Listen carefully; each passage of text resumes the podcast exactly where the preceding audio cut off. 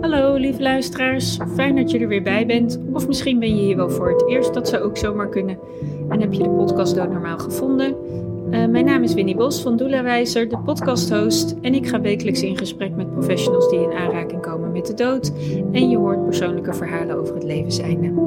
Dat het zo op deze manier voor iedereen weer wat makkelijker mag worden om hun verhaal te vertellen of met een ander in gesprek te gaan hierover. Mocht je deze serie waarderen, dan zou ik het super tof vinden als je een review of een beoordeling achterlaat op de podcastkanalen of op mijn website. En heb je mensen in je omgeving die behoefte hebben aan deze gesprekken? Uh, fijn als je dat dan met ze deelt. Waarvoor alvast hartelijk dank.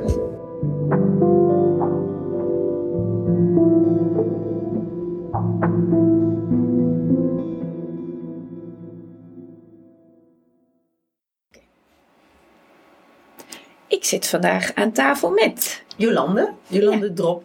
Ja, Jolande. Um, fijn dat ik hier op jouw boot, want daar zitten we vandaag, uh, mag zitten. Um, in het Amersfoort zit. Het is wel een thuiswedstrijd voor mij. Dus Gelukkig dat is heel maar. fijn. Ja. ja. dus dat is heel fijn.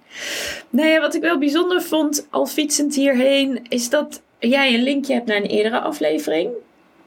Een aflevering met Tieme Wolfs. Tieme, die sprak ik omdat hij het urnbootje heeft ontwikkeld. Ja. Door een eigen ervaring in zijn leven met asverstrooien. Waarop hij dacht, dat kan anders. En nou blijkt jij een link met dat urnbootje te hebben. Ja, dat klopt. Ik heb uh, Tiemen leren kennen bij een beurs op de uh, Uitvaartstichting Hilversum. En uh, daar stond Tiemen naast mij, want ik verzorg asverstrooiingen vanaf het schip, onder andere. En Tiemen die stond met zijn urnbootje. En we raakten aan de praat. En uh, legde uit wat hij met het urnbootje doet. Of wat er mee gedaan wordt, kan gedaan worden. En toen zei ik van, wat zou dat mooi zijn, een bootje van een bootje. En uh, is een hele ondernemende man en uh, vindingrijk. Dus die, die, die vond het ook een mooi idee. Ik zeg, ja, dat, dan is er nog wel een probleem. Want hoe krijg je dat urnbootje goed in het water? Want vanaf de Bolivar zit je toch een eh, meter, een meter boven de waterlijn. Dus dan moeten we iets verzinnen om dat bootje in het water te laten zakken. En uh, dus ik vertelde wat een David is. En David dat is een, een soort kraantje waar die, die op veel schepen zitten om een bijboontje te water te laten. En uh, toen is uh, Timon die is meteen gaan googlen. En die heeft een kraantje ontworpen voor de Bolivar. En daar past precies het urnbootje in. En dit jaar, nou, ik weet niet meer precies wanneer het was, maar ergens in mei, juni. Toen zijn we, hebben we een proefvaart gedaan met, met de David om te kijken hoe dit dan ging en of het werkte. En er was ook een ritueel begeleider bij. En toen zijn we dus naar een plek gevaren waar het bootje dat zat vol met heel fijn zand. Wat in uh, zwaarte en volume vergelijkbaar is met as. En toen hebben we dus een proef gedaan en dat ging perfect. Het ging echt helemaal perfect. En Tiemen heeft daar ook een filmpje van gemaakt. Dus toen hadden we meteen promotiemateriaal. Dat staat op zijn website en dat staat ook op mijn website. Hoe dat in zijn werk gaat, het uh, asverstrooien vanaf een ja. urnbootje, vanaf een echt schip. Ja, ja mooi. Hey, die vindingrijkheid, dan moet ik ook wel weer denken aan het gesprek met hem. Want hij, als hij eenmaal een idee heeft of zo, dan gaat hij inderdaad googlen en dan gaat hij net zo lang zoeken totdat hij Totdat je uiteindelijk krijgt wat hij hebben wil. Uh, want hij denkt dan, dat er voor alles een oplossing is. ja, en dan kan hij het ook maken. Ja, ja echt fantastisch. Uh, ja. Want um, los van dat uh, er nu zo'n mooie David is om dat urnbootje op te doen. Jij doet sowieso met de Bolivar, want zo heet, jou, zo heet jouw schip. Um, doe jij asverstrooiingen? Ja. Kun je daar eens iets over vertellen? Ja, ik had gisteren een asverstrooiing vanuit Amersfoort. Um, um, zal ik vertellen hoe dat in zijn werk gaat? Nou, ja. de, eerst kwam um, de man die zeg maar uh, informatie had gevraagd, die nodig ik uit aan boord. ook dat hij een indruk heeft van het schip en eh, dat hij weet hè, hoe het eruit ziet. En dan eh, leg ik verschillende soorten van manieren uit. En hij had, het was de as van zijn moeder. En die was eh 4 december vorig jaar overleden. En hij wilde dus 4 december de as verstrooien. En eigenlijk had hij in zijn hoofd tussen Nijkerk en Spakenburg. Daar, was het dat, waar, daar, daar is zijn moeder opgegroeid. Maar dat is een weiland en officieel mag dat ook niet. En het is eh, akelig en koud en wijds en eh, zag hij eigenlijk niet zo zitten. En dus eigenlijk had hij gedacht op het water tussen Spakenburg en Nijkerk. En toen zei ik van dat kan, maar dat kan niet op zondag omdat, hij, omdat er een brug niet draait. Eén brugge draait niet. Eh, dus we kunnen niet daar naartoe eh, varen. Dat kan wel op een andere dag, maar helaas niet op die zondag. En ehm, zei ik, wat we wel kunnen doen is, eh, ik heb namelijk vergunningen en ehm, ik meld het altijd bij, als het op de Eem is, bij Amersfoort, meld ik het bij de provincie Utrecht. En als het op de Eem plaatsvindt, het Eemmeer, dan eh, is het Rijkswaterstaat de beheerder van eh, dat water. Maar eh, ik zei van, ik overleg met de provincie om te kijken waar we dat kunnen doen. Dus die hebben een vak aangewezen, zo noemen zij dat dan. Tussen de Grote Melm en Eembrugge. En toen hebben we samen dus op de kaart gekeken waar dan een mooi plekje is. Nou, daar is een prachtig plekje waar je ook mooi kan aanleggen. Dat is een klein eilandje. En eh, dus ik stelde voor, dat lijkt me een hele mooie plek. Ik weet natuurlijk nooit zeker van tevoren of daar een schip ligt of niet. Als er een eh, bootje ligt, ja, dan gaan we een ander plekje zoeken. Maar eh, dat is ons eerste doel. Kijken of daar eh, plek is. Dus gisteren zijn ze aan boord gekomen. Ze waren met z'n vijven, twee broers, hun partners en een tante en, een, en haar partner. Met z'n zessen waren ze. En eh, dus ik heb eerst iets verteld over het schip en hoe we het gaan doen. En zij hadden de urn meegenomen. Ik had ook van tevoren gezegd van eh, je kan het in een biologisch afbreekbare urn doen. Je kan het via een urnbootje doen of je kan het via de asbuis doen. Want ik heb een speciale asbuis ontworpen die aan de, op het achterdek van het schip hangt. eh, als, eh, als de asverstrooiing plaatsvindt en daardoor wordt de as dan verstrooid. Die komt ongeveer 30 centimeter boven het water uit. En dan eh, verspreidt de as zich mooi over het water. Dan, maar goed, dan ga ik een beetje te snel. Ze kwamen dus aan boord, hebben koffie, thee en eh, lekker taart. Dus ik, eh, leg uit hoe het ritueel in zijn werk gaat en dan varen we weg. Het was gisteren koud, en, maar ze hebben hier lekker gezeten in de salon. En ehm, eh, de kachel aan en zo. Dus, dus een uurtje varen naar dat plekje. En daar ehm, lag geen scheepje. Dus we konden daar mooi aanleggen. Het is inderdaad een prachtige plek. En ehm, toen heb ik de asbuis voor ze op het achterdek gehangen. En zij wilden het graag eh, helemaal zelfstandig doen. Dat check ik altijd. Van, eh, ik kan ook de eerste, eh, ik kan het ook verstrooien. Sommige mensen vinden het eng of willen dat liever niet. Maar meestal begin ik dan en dan geef ik de as Ja. over. Dan, en dan willen ze het wel. Ja, dan is de eerste wa- koudwatervrees een beetje weg. eh. Ja, en dan, Ja. zijn- dan zien ze van, oh nee, het is helemaal niet eng. nee. En dan heb ik een mooie eh, schaal met eh, verse rozenblaadjes. Want de as die zinkt. En, ehm, en met die rozenblaadjes markeren we dan de plek waar de as is verstrooid. En gisteren lagen we dus aan de wal. Hè, want de eem is te, te smal om te blijven drijven.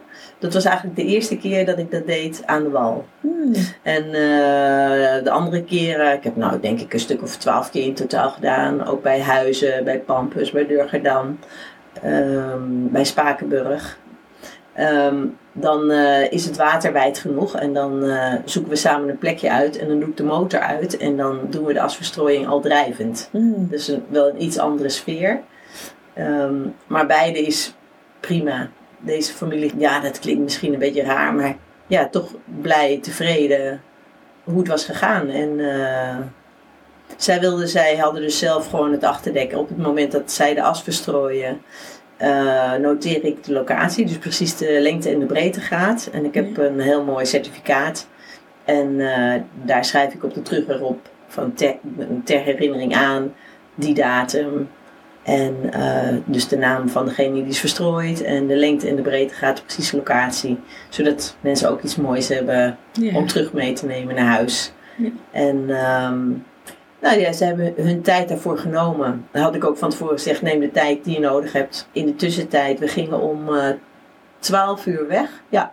Dus eh, zij waren op de achterdek. Toen heb ik hier lekker ehm, de tafel gedekt. En er was er lekker soep. En eh, ze wilden een wijntje drinken na afloop. Sommige mensen die willen bubbels. Mhm. Of, ehm, of een bol, kan ook. Of gewoon koffie en thee kan natuurlijk ook. Ja. Dus toen hebben ze hier lekker eh, binnen gezeten met eh, soepje en broodjes en fruit. En zijn we terug, rustig teruggevaren. Tot we hier weer lagen. En toen waren we om een uur of drie weer terug. Nou, we waren uiterst tevreden. Ze vonden het heel mooi. En eigenlijk, eh, dat is ook waarom ik het zo mooi vind om te doen. Want altijd is het zo dat mensen er heel veel... eh, eh, ik weet niet zo goed het woord. Voldoening is, ook, is het ook niet helemaal. Maar... ehm, Nou, is het gewoon eigenlijk een beetje met aandacht weer op reis gaan met zij die je, die je niet meer kunt ontmoeten?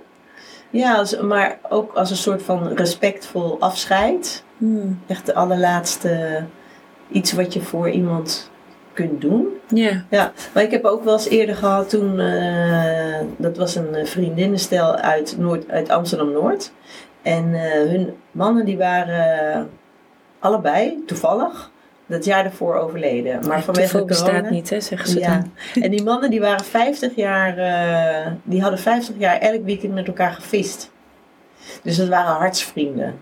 Dus zij wilden ook, zij hadden toen eh, bij eh, de Noorbegraafplaats eh van mij gehoord dat ik dat doe. En ze zeiden, ja, dat willen wij. En die mannen die gingen meestal vissen in Twiske, bij Twiske. Zei ik, nou bij Twiske kan ik niet komen met het schip, maar wel bij Durgedam. Nou, dat was ook helemaal goed, want daar kwamen ze ook heel vaak. En zij hadden geen uitvaart gehad vanwege corona. Dus dat was, dit, was, dit was hun uitvaart. En eh, nou, misschien was dat, nou, ik weet niet het meest bijzondere, maar wel het meest e- emotionele. Maar die vrouwen die vonden het zo fantastisch. Dat die, eh, dat die mannen samen. Maar het is ook heel symbolisch, want als die mannen altijd al met elkaar op het water of aan het water waren, hoe fantastisch is het dan dat je ook weer op het water met elkaar gewoon een soort van laatste afscheid kunt Ja, nemen. ja, Dat ja. is toch geweldig? ja, dat vonden zij ook eh, Ja. heel Want fantastisch. water heeft toch wel ook wel een bepaalde. heeft gewoon een andere dynamiek. Als dat je ergens. Ik bedoel, nu voel ik het niet terwijl we hier zitten. Maar soms kan je echt op een bootje zitten terwijl die stil ligt. Dat je denkt: oh ja, ik ben toch een beetje aan het dobberen. Weet je zo. Ja, En dat geeft een heel ander effect. Als dat je gewoon in zo'n aula in een stoel zit. Een beetje vooruit zit te kijken. En ja, ja. het is toch ook maar En een het beetje. is altijd, ehm, eh, met een asverstrooiing, het is altijd een klein gezelschap. Ja, dat maakt ook Ik heb wel één keer meegemaakt, waren ze met z'n twaalf, maar dat waren echt ook de kinderen en eh, de partners en alle kleinkinderen mee. Voor eh, opa, die was overleden. En eh, toen was het eh, druk, maar ook die, voor die kinderen, die vonden het eh, heel mooi Ja. om te doen. Maar meestal is het dus een heel klein select gezelschap, want de uitvaart, ja, daar waren de buren en de kennissen ook bij. Maar een laatste asverstrooiing, dat zijn meestal echt Ja, dit de direct naaste. naaste. Ja, Ja, dat is ja. ook zo. Ja, dus dan ben je echt in een intiem gezelschap. Ja, ja. Dat maakt het ook bijzonder. Ja, en de boot zelf is natuurlijk een bijzonder schip. Ja, want vertel daar eens wat over. Want het is wel echt een. Ik bedoel, het is geen normaal bootje. eh, Of ja, bootje. eh, Boot. Want een bootje is het zeker niet. Nee, het is Eh, en het ziet schip. er sowieso heel bijzonder uit. Dus daar kan je Ja. iets over vertellen? Ja, dit, is- dit schip is een directievaartuig uit 1928. En het is een varend monument, een geregistreerd varend monument. Het is gebouwd in een serie van 10 en dit is nog de enige die over is. Het was voor de Duitse Rijkswaterstaat. Het is in Bremen gebouwd. Daar heeft het ook tot 1995 gevaren. Als onderzoeksschip. En eh, ja, ik stel me zo voor dat hier de directeuren zaten in de salon. Met dikke sigarenrook en eh, whisky. Of wat drinken ze in Duitsland? Snaps misschien? Een biertje, Een denk ik. biertje, Ja, een een biertje. Ja. ja. En ehm er was een kapitein en er waren eh, twee matrozen. Dat eh, eh, staat ook nog in de boeken. En eh, die kastjes die je daar ziet, dat lijken kastjes, maar dat zijn twee bedsteders. Dus er zal ook nog overnacht zijn. Want in het vooronder, ik heb nog één originele tekening. Daar was de matrozenhut met twee kleine bedjes en... eh, een wastafeltje en een, ja, ik denk petroleumstelletje of zo. En het achterdek. Dus het is 20 meter. Dus het is, ehm, het is een bakdek salonkruiser. Dat zei mij ook niks hoor, toen ik het schip kocht. Maar nu zie ik niks anders dan bakdekkers. Hè? ja, dat zie je, is, ja zo dat- werkt dat, hè? Zo werkt dat. Het is Ja. een verhoogd voordek. Heeft een eh, typische eh, ontwerp, typische vorm. Maar een bakdekker van 20 meter is bijzonder. En eh, dus binnen, binnen, je hebt de Oude Glorie en verschillende verenigingen. Binnen die verenigingen is de Bolivar ook echt wel een bekend schip als zijnde van oud, goed onderhouden en echt een blikvanger. Echt Ja. een eyecatcher. Maar het lijkt me wel een schip waar je, je altijd wel je handen kunt laten wapperen, zeg maar. Want- Ja, dat, eh, ik heb dat schip. eh, ik was manager in de zorg. Mhm. Ehm, in Amsterdam, Joods maatschappelijk werk. Eh, ik heb daar twintig jaar gewerkt in totaal.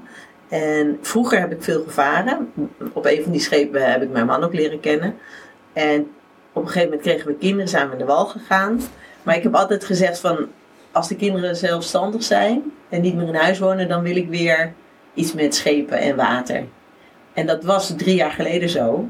En er was een reorganisatie op mijn werk. En gelukkig was corona er nog niet, want anders was ik er nooit aan begonnen. Dus toen dacht ik van ja, het is nu of nooit, ik ga het nu doen. Dus eh, toen heb ik letterlijk het roer omgegooid.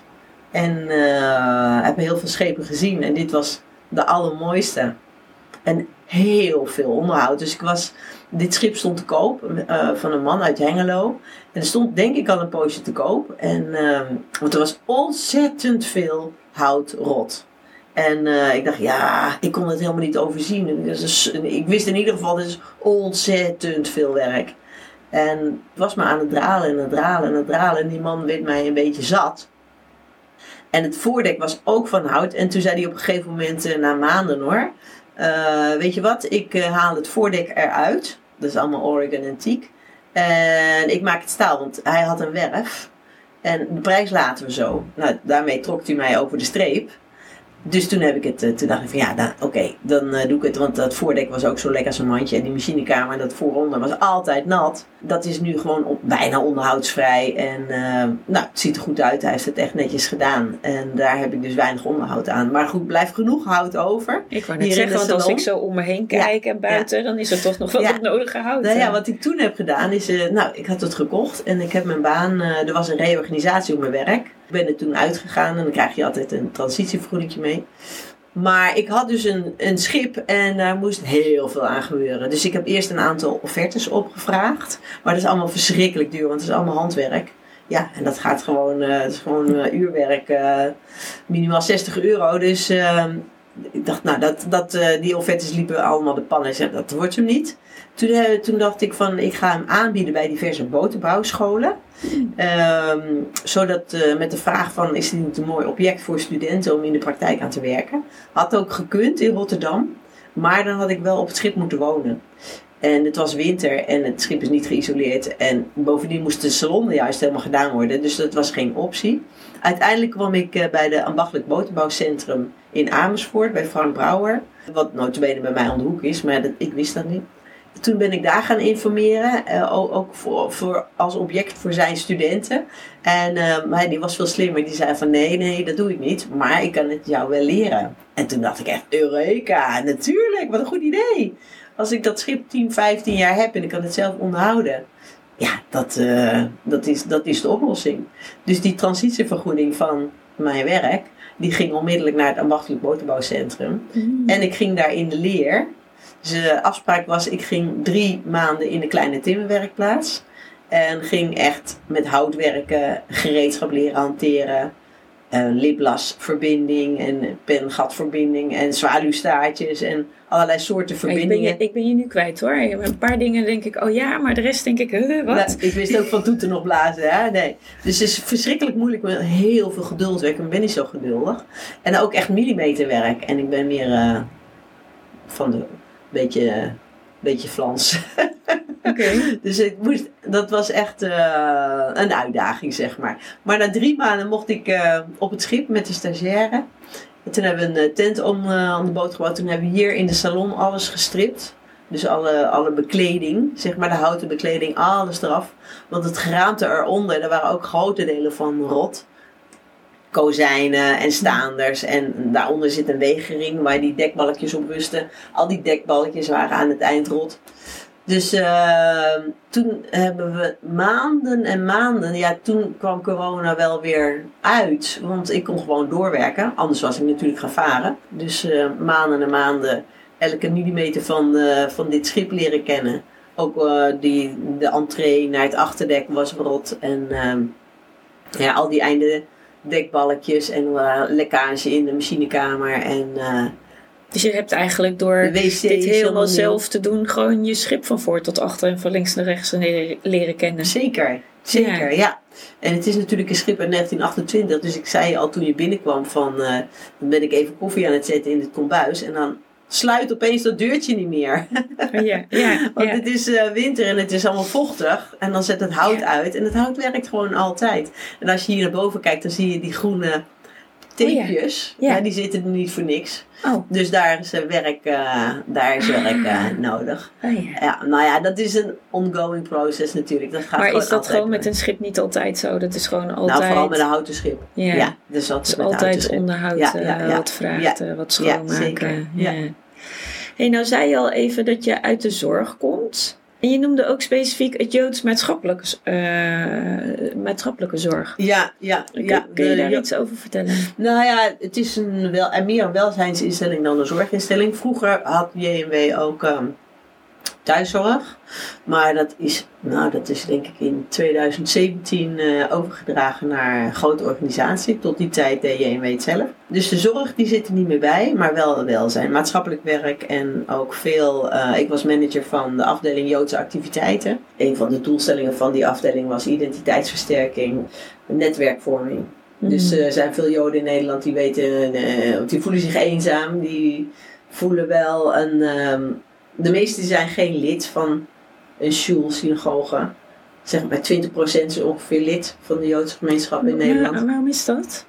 Want eh, in, in mijn, niet, uh, in mijn beleving, nee, maar in mijn beleving zijn Joden altijd heel erg trouw aan hun geloof en aan, hun, en, aan de leefwijze die daaraan gekoppeld is. Maar dat is misschien iets wat, nee, wat, wat ik veronderstel, wat helemaal niet waar is. Nee, nee, nee. Nee.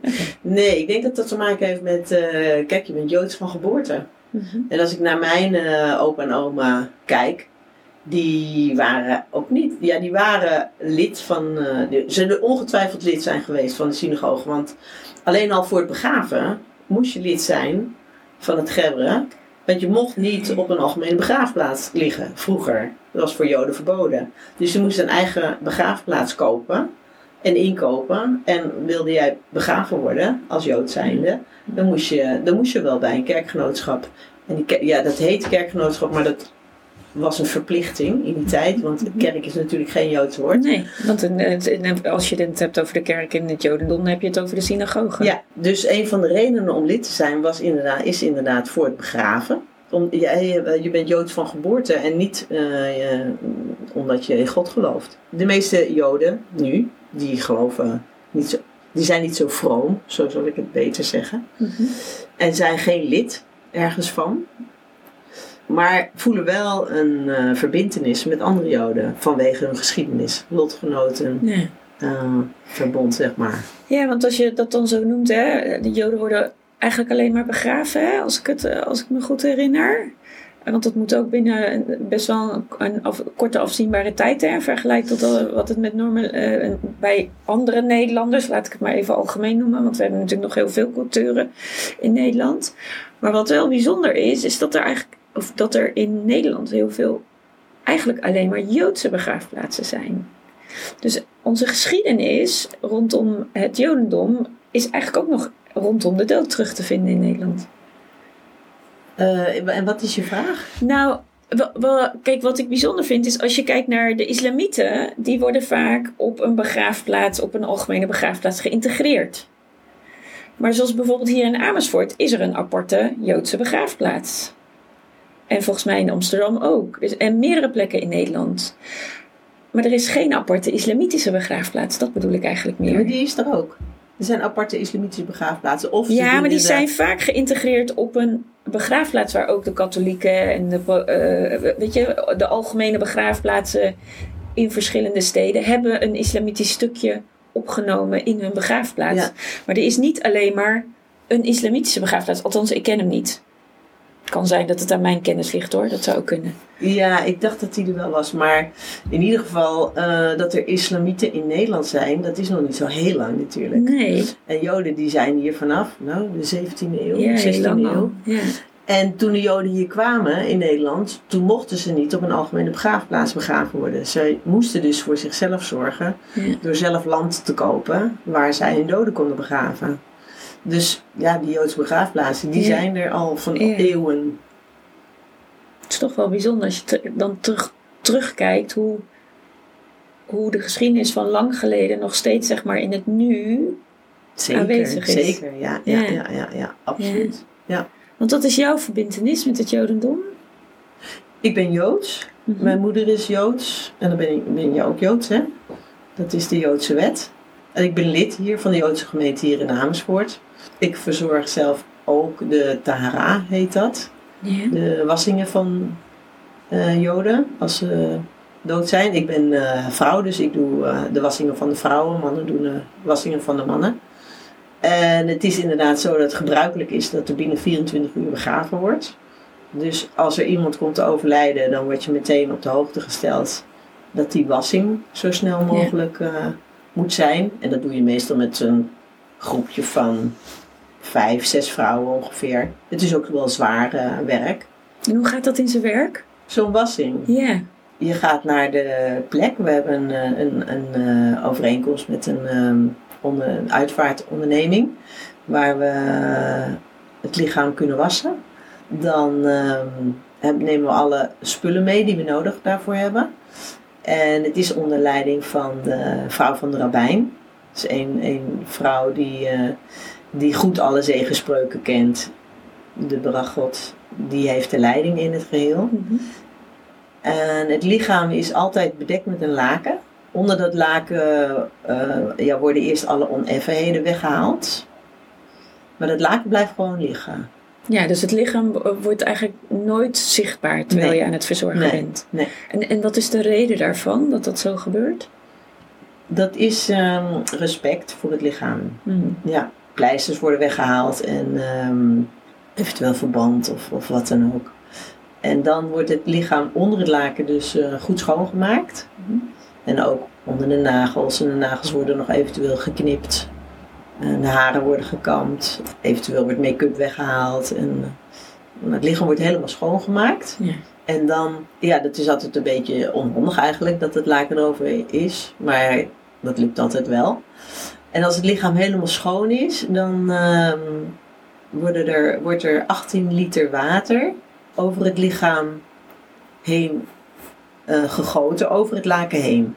En dat gaat van de kruin tot aan de tenen. Mhm. En dat zijn eh, een paar emmers. Zeg maar dat we drie emmers doen van ongeveer 6 liter. Iemand begint bovenaan en dan eh, wordt het ononderbroken over het lichaam gegoten. Dus er zit geen pauze in. Nee. Dan wordt het lichaam op de zij gedraaid en dan gebeurt het nog een keer. En dan worden zegenspreuken gezegd.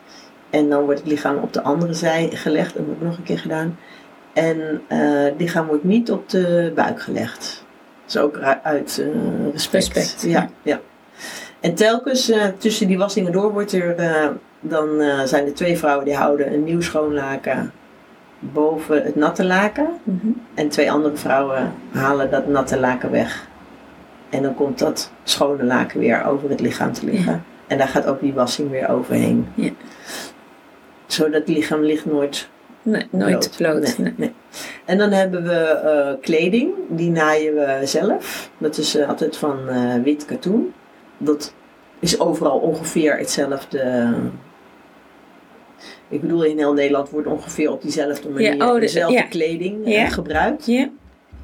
En dan, dan ehm, kleden we het lichaam dus aan in die witte. Voor vrouwen is het een, een soort van schort, maar voor mannen trouwens ook. Mhm. Eh, Met lange mouwen en, en eh, er worden altijd schoentjes genaaid, of sokken. Nou ja, het zijn eh, schoentjes van laken, dus eh, het Ja, ja. zijn een soort sokken. Ja, ja. En, ehm, En, en, dat, en dat kleed wat aan wordt, dat, wordt, eh, dat is ook zeg maar van de lengte tot aan zeg maar je voeten. Ja. Oh ja, ja, oké. Ja, en dan is er een, eh, is er een soort kapje, capuchon. En dat wordt over het gezicht aangedaan. En ook op een bepaalde manier gestrikt. Vaak de, is het de, het gebruik dat niet de naaste familie, het mag wel hoor, dat niet de naaste familie die wassing doet. Eh, maar dat mag wel, het is een keuze. Maar als ze het niet willen, eh, dan eh, zitten ze meestal wel buiten die ruimte waar de wassing plaatsvindt. Maar als, het, als we dan helemaal klaar zijn, dan wordt de familie uitgenodigd om de sokjes aan te doen. En zeg, en jij eh, beschreef het kapje op het gezicht. Wordt het, wordt het gezicht dan afgedekt met dat kapje? ja. Oh ja. Ja. Dus eerst een, eh, een lapje over de mond en dan een soort capuchon die omgekeerd Oh over ja, het over hoofd gaat. ja. Ja. Nou, als alles klaar is en de sokjes zijn aan en alles is eh, netjes en schoon en ehm, klaar, dan wordt het lichaam gedragen in de kist. En daar ligt vaak ook een, liggen wat ehm, houtsnippers of houtkrullen. Vaak wat eh, zand uit Israël. En dan wordt de kist dicht gedaan met, een, met de deksel. En dan worden ook, dat vind ik zelf altijd, vond, in ieder geval de eerste keer dat ik dat meemaakte, vond ik dat best eh, confronterend. Want dan worden de ja, houten nagels ingeslagen. En die worden ook er afgeslagen. Dus die kan er dan niet meer uit. Ja. Dat is echt definitief. En dan wordt er een kleed over de kist gelegd. En dan is vaak de volgende dag de begrafenis. Ja. En, en hoe gaat dan zeg maar, het afscheid nemen van als iemand overleden is? Want je zegt het, het begraven en uiteindelijk het wassen gaat in best wel een, het moet in een kort tijdsbestek gebeuren. Hoe hoe nemen mensen dan afscheid van het lichaam als iemand gestorven is? Hè, zoals in Nederland kennen we dan, oké, nou zo'n rouwbezoek, ja, ik vind er niks, maar goed. Dat- zijn van die gebruiken die we in Nederland doen. Is, is dat ook een gebruik voor bin- binnen het Jodendom, dat je afscheid neemt van het lichaam? Ja, Of- op het moment van de begrafenis is dat. Oké, Ja. ja. En daarna is de, de rouwweek, de Shiva-week, zeg maar de naasten van degene die is overleden.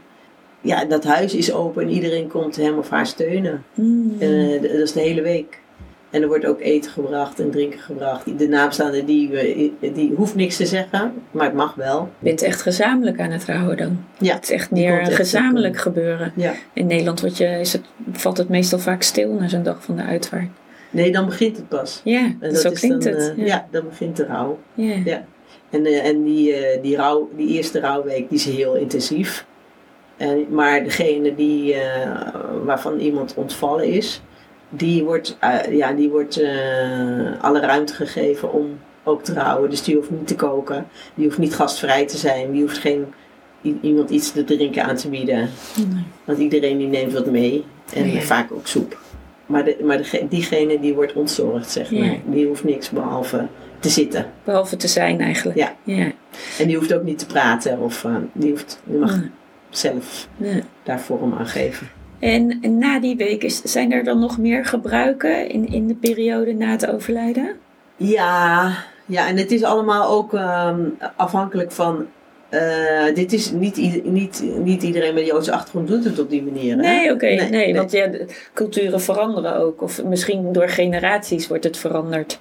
Dat Ja. men ja. misschien wel minder belang aan Ja. gaat hechten. Nee, dan heb je nog een rouw van 30 dagen. En dan eh, ga je nog niet feesten. Maar bovendien, de eerste jaar ga je niet feesten. Die, die regelgeving ken ik niet helemaal uit mijn hoofd. Maar je hebt, je hebt de eerste week, de eerste maand en het eerste jaar. Na dat eerste jaar, dan ga je gewoon weer feesten. Oh ja. Dan is het, eh, maar het is niet gebruikelijk om dat eerste jaar, waarin er iemand van de eerste graad overleden is, dat je dan, dan hoef je niet deel te nemen aan feesten. Nee. Nee. Interessant hoe we dat toch allemaal op een andere manier doen. Hè? Wij hebben Ja, het zit in ieder geval vol met, eh rituelen. met rituelen. En dat is wel, vind ik ehm, wel mooi. ja, dat is ook heel fijn. Ja. Want je bent de weg kwijt. Ja, en als het je dan een soort houvast hebt Ja. aan een aantal rituelen, dan... het eh, geeft duidelijkheid ja, of zo. ja. En, en ook wel wat ik er mooi vind, gezamenlijkheid. ja, gemeenschapsgevoel. Ja. zeker, ja. En het zorg dragen voor elkaar. Ja, want ook zo'n eerste week dat je dan gewoon voor elkaar zorgt en dat je er voor elkaar bent en ja, dat je voor elkaar kookt en in zo'n gezamenlijkheid er met elkaar mee bent. Dat Ja. er iemand is ontvallen. Ja. Nou, ja, je hebt als iemand, je hebt al, elk jaar jaartijd. Dus Mhm. op de dag dat iemand eh, overleden is, dan sta je daarbij stil. En eh, worden er ook. eh, maar in, zeker in de beginperiode, dan komen de, mannen in deze, ik- Amersfoort heeft een orthodoxe gemeente, bij elkaar om eh, te, eh te dabbenen, bidden, om, eh, om de ziel te helpen Oh, over te gaan. snel, sneller zijn of haar weg te vinden. Hmm. Ja. Ik vind het ook wel bijzonder dat er zo'n stroming is. Weet je, de vrouwen verzorgen de vrouwen die zijn ontvallen. En de mannen verzorgen de mannen die zijn ontvallen.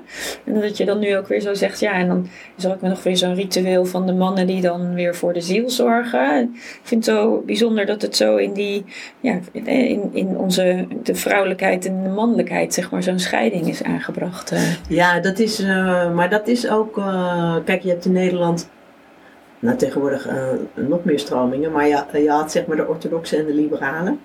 Nou weet ik eigenlijk niet. Ik denk, eh, kijk, bij de orthodoxe is sowieso dat eh, de mannen de mannen doen en de vrouwen de vrouwen. Maar is ook binnen een uh, schuldienst zitten de vrouwen apart van de mannen. Mhm. Eh, en bij de liberale gemeenten, die eh, op heel veel plekken zijn, ook in Utrecht, maar in Amersfoort niet. Die, eh, daar, zitten de, daar hebben de vrouwen en mannen gelijke rollen. Maar ik denk niet, maar dat weet ik eigenlijk niet zeker. Ik denk niet dat eh, vrouwen de mannen wassen. Dat denk ik niet. Maar in een schuldienst, dan eh, hebben ze, een- je hebt vrouwelijke rabbijnen, vo- voorgangers en zangers en eh, Ja. ehm, mensen die uit de Torah laaien.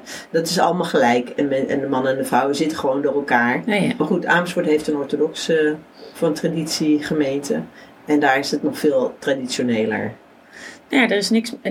Ja, we geven de laatste decennia natuurlijk zo af op tradities en rituelen. Maar ja, er zit ook een heel. Ik vind er zit ook wel een bepaalde waarde aan die, hè, nou ja, wat jij zegt, eh, een gezamenlijkheid of een gemeenschapszin. En, weet je, die we eigenlijk allemaal soort van buiten de deur zijn gaan zetten. Waardoor je nu heel veel mensen in Nederland hoort praten. Ja, dan is de uitvaart geweest en dan valt het stil.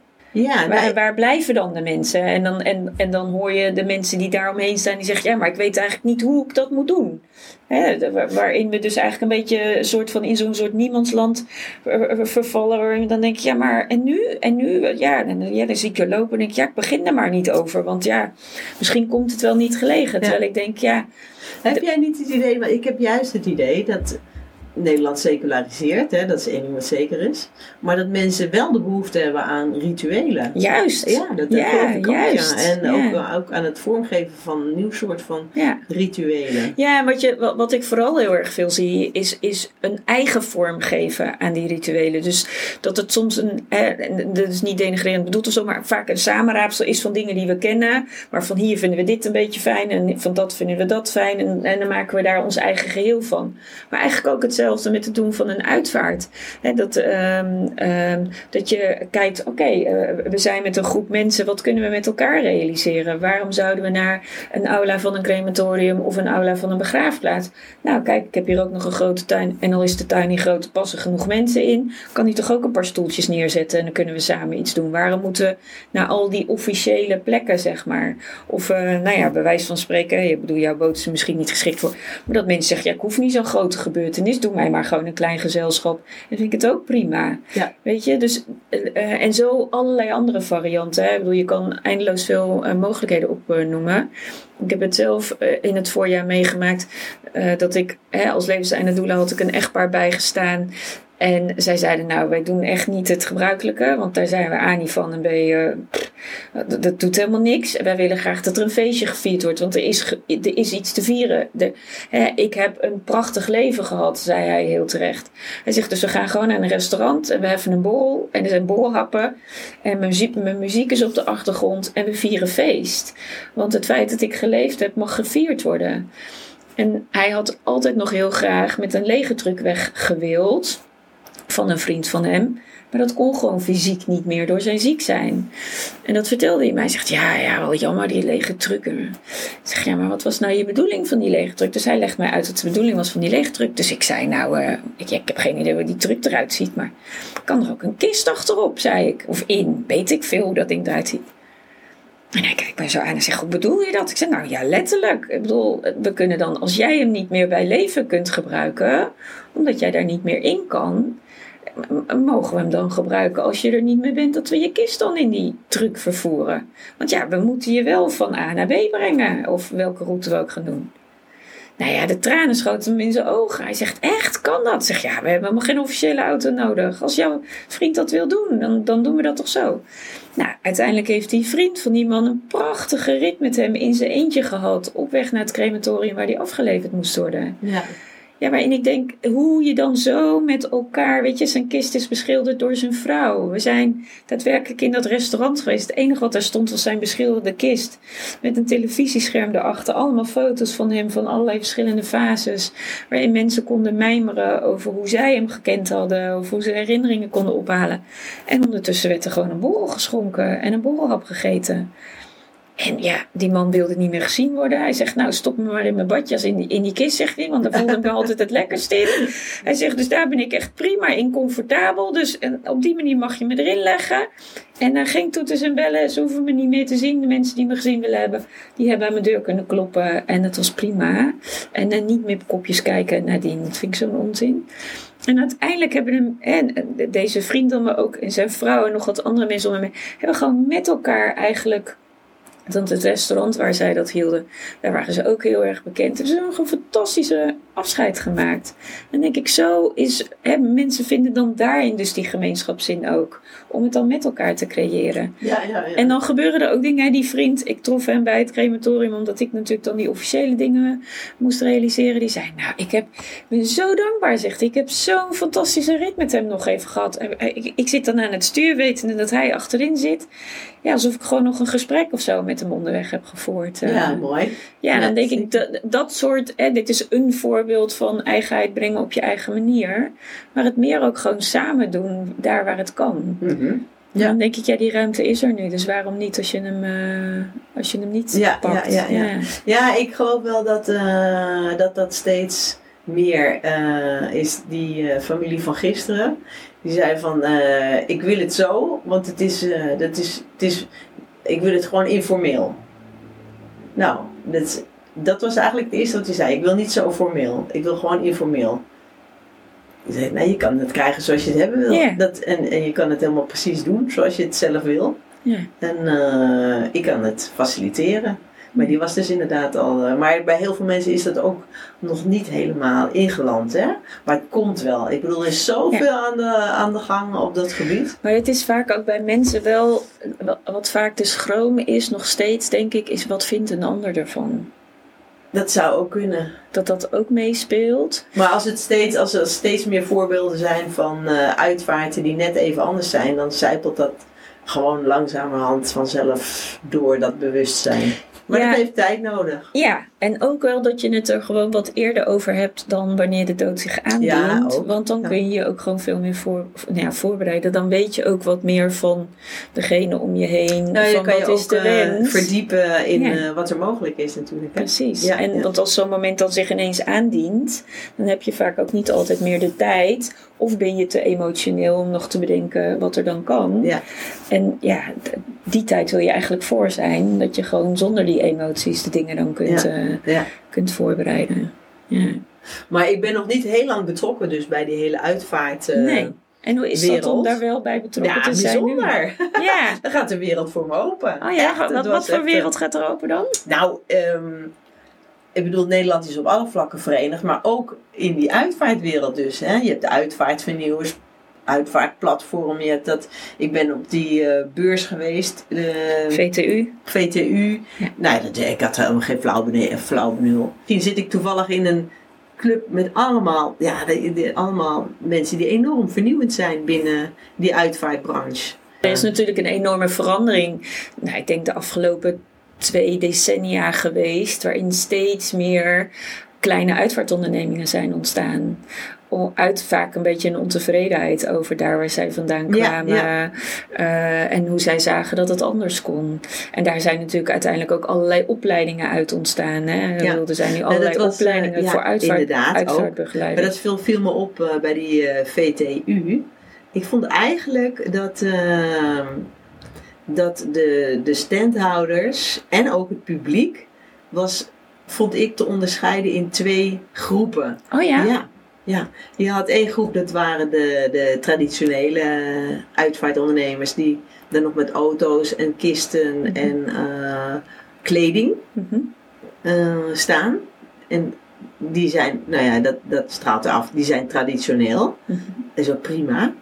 En je had een, ja, ik denk dat het wel half-half was. De, de vernieuwers, die met allerlei nieuwe producten en, eh, en aanbod uh, staat voor kindjes, voor, voor ongeboren zelfrouw, uh, voor ja, prachtige producten die, en diensten ook, die, die gebruikt konden worden tijdens uitvaarten. Zeg maar, je had de creatievelingen en je had de traditionele. Zo zou Ja. ik het uh, Ja, ik heb hem echt wel ervaren dat ik vond dat het eh, te veel traditioneel was en een klein beetje creatief. Oh ja? Kijk, Congres van Nieuwbakje Troost is daar natuurlijk ook een vorm van. Daar waren wat meer creatievelingen aanwezig. Maar de, ja, er is gewoon heel veel. En vaak is dat wat er is, ontstaat vanuit iets wat je zelf hebt meegemaakt. Dat is eigenlijk heel vaak een reden waarom er iets nieuws uh, komt. En dat is eigenlijk prachtig. Ja. Want dan, uh, men voelt dan hè, zelf dat er ergens een gat zit. Wat, uh, ja, waar zij wel voelen dat er een behoefte aan is. En dan beginnen ze daarmee. En uiteindelijk blijkt dan dat dat gewoon voor veel meer mensen ehm, ja, ons kacheltje begint nu ineens te stoppen met, uh, met warmte. Maar ik denk dat de stroom op is. dat zou ook kunnen. Um, dat er dus um, ja, vanuit een eigen behoefte een, een, product of een dienst ontstaat. Die dan uiteindelijk ja, in de wereld wordt gevoeld als, nou, dat is fijn om die erbij te hebben. En dan uh, ja, ontstaan er hele bijzondere rituelen. Ja. Ja. En de afscheidsfotografen zijn er natuurlijk een hele grote van. Ja, ja, ja. Uh, die, uh, nou, ik heb inderdaad enorm veel eh, nieuwe takken van, uh, van het bedrijf leren kennen, inderdaad. Ja, ja. En, en afscheidsrituelen, uh, ritueel afscheidsbegeleiders. Ja. Uh, ken ik ook niet. Nee, er is echt een wereld voor me opengegaan. Heel interessant. Ik vind Ja. heel, heel interessant. Ja, het is zeker een bijzondere wereld. En het is ook mooi dat hè, eigenlijk is de uit, worden wij uitgenodigd om. Je, je mag het doen zoals jij het wil. Maar dat is een enorme verworvenheid. Ja, En daar, ben jij ook uh, dus uh, heel druk mee. Ja, daar ben ik heel druk mee. Maar daar geef jij op jouw manier met de bolivar ook weer een vorm Ja, aan. Door klopt, met, dat, ja, met de asverstrooiing ook weer een andere vorm aan te geven. Dus dat is gewoon heel bijzonder. uh. Ik vind het wel mooi. Het is echt het beeld van wat kan je met as verstrooien. En te- tegelijkertijd hebben we ook nog wat van de Joodse traditie meegekregen. Dus het is ineens uh, een verrassende uh, wending. Uh, prachtig. Nou, mooi. Ja, Goed. dankjewel. Ja.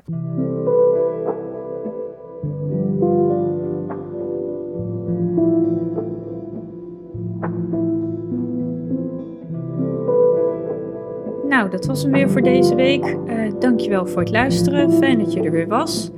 Uh, mocht het nou zo zijn dat je vragen hebt of opmerkingen of suggesties of wensen voor onderwerpen of heb je gasten die je kunt aanreiken, dan sta ik er altijd voor open. Uh, dankjewel als je met me mee wilt denken. Uh, hetzelfde voor het delen. Deel het met je vrienden, bekenden, familie, wie dan ook in je omgeving. Want hoe meer de verhalen verspreiden, hoe beter het is. En voor nu tot de volgende aflevering.